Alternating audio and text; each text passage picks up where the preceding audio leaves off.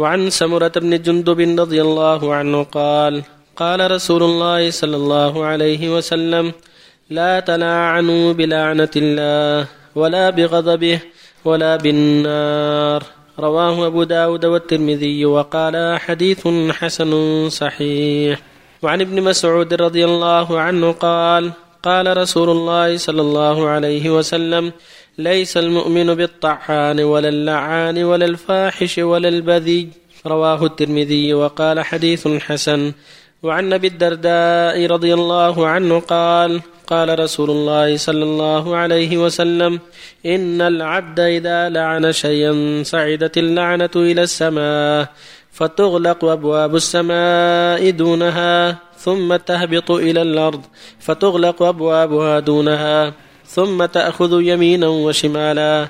فإذا لم تجد مساغا رجعت إلى الذي لعن.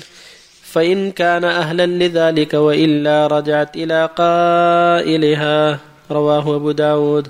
وعن عمران بن الحسين رضي الله عنهما قال بينما رسول الله صلى الله عليه وسلم في بعض أسفاره وامرأة من الأنصار على ناقة فضجرت فلعنتها فسمع ذلك رسول الله صلى الله عليه وسلم فقال خذوا ما عليها ودعوها فإنها ملعونة.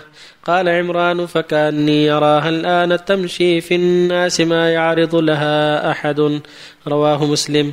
وعن أبي برزة نضله بن عبيد الأسلمي رضي الله عنه قال بينما جارية على ناقة عليها بعض متاع القوم إذ بصرت بالنبي صلى الله عليه وسلم وتضايق بهم الجبل فقالت حل اللهم لعنها فقال النبي صلى الله عليه وسلم لا تصاحبنا ناقة عليها لعنة رواه مسلم.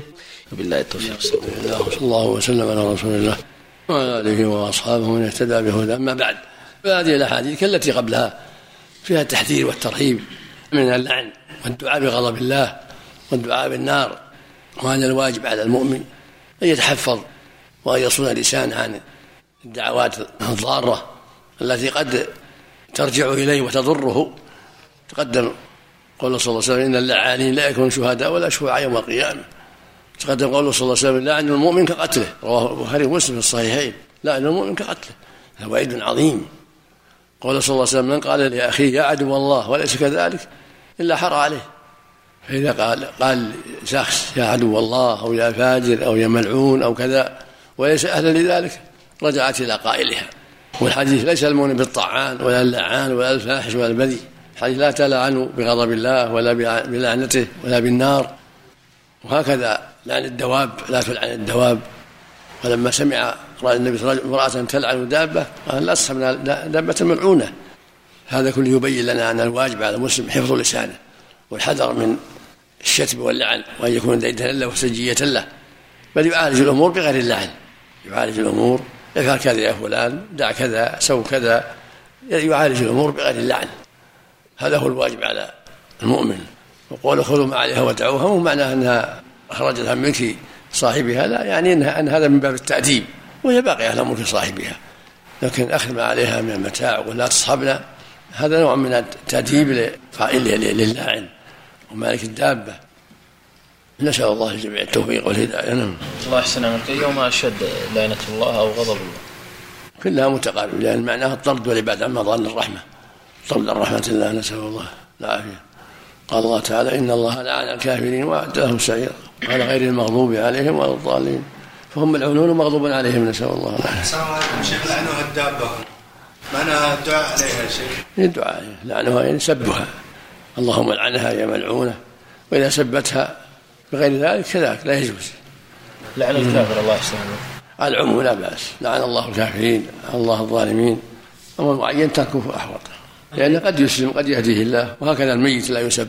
صلى الله إليك يا شيخ ولو كان لديه الكتاب. لا يلعن لا يلعن الحي المعين لا إلا إذا كان معروف بالشر والفساد على المسلمين مثل ما لعن النبي جماعة من أيام مكة لكفرهم الشديد وعنادهم وظلمهم للمسلمين. نسأل الله, الله إليك من مات على الكفر الله لا تسبوا الأموات وقد أفضلوا لما قدموا يقول صلى الله عليه وسلم. نعم. أحسن الله إليك يا شيخ. من لديه كتاب في ظلال القرآن هل له أن يستفيد منه أو يحرقه؟ أحسن الله إليك والله ما تأملت كثير في بعض الأخطاء لكن لا. كونه يحفظه عنده ويستفيد منه. إذا كان طالب علم الحمد لله. لكن أما إذا كان ليس من العلم يطلب كتب السلف. كتب شيخ الإسلام ابن تيمية كتب ابن القيم كتب الحديث كتب الأئمة المعروفين. في ظل القرآن فيه خطأ فيه أخطاء. طالب العلم الفاهم يعرف الأخطاء. قل كتاب الله فيه أخطاء غير كتاب الله. أحسن الله إليك الله إليك جميع المعاصي تكون كفرا أصغرا؟ من عمل الجاهلية. وهو كفر أصغر تكون ذنوب معاصي ولكن لا تسمى كفر إلا ما جاء الشرع تسمية كفر. إن سماها الشارع كفر سميه. إذا كان بالناس من كفر الطعن في النسب والنياحة الميت كذلك لا ترجعوا بعد كفارا يضرب بعضكم رقاب بعض. الحكم بغير ما أنزل الله للهوى والرشوة كل هذه تسمى كفر. الله يحسن عملك صفتي السمع والبصر لله سبحانه وتعالى هل هي متعلقة بالمشيئة؟ لا صفات ذات. السمع والبصر صفات ذات واليد والقدم كلها صفات ذات والوجه من صفات الذات اللي يتعلق بالمشيئة صفه فعل غضبه ورضاه وكلامه وخلقه وإيجاده كل هذه صفات فعل اختيارية تتعلق بالمشيئة. اللهم صل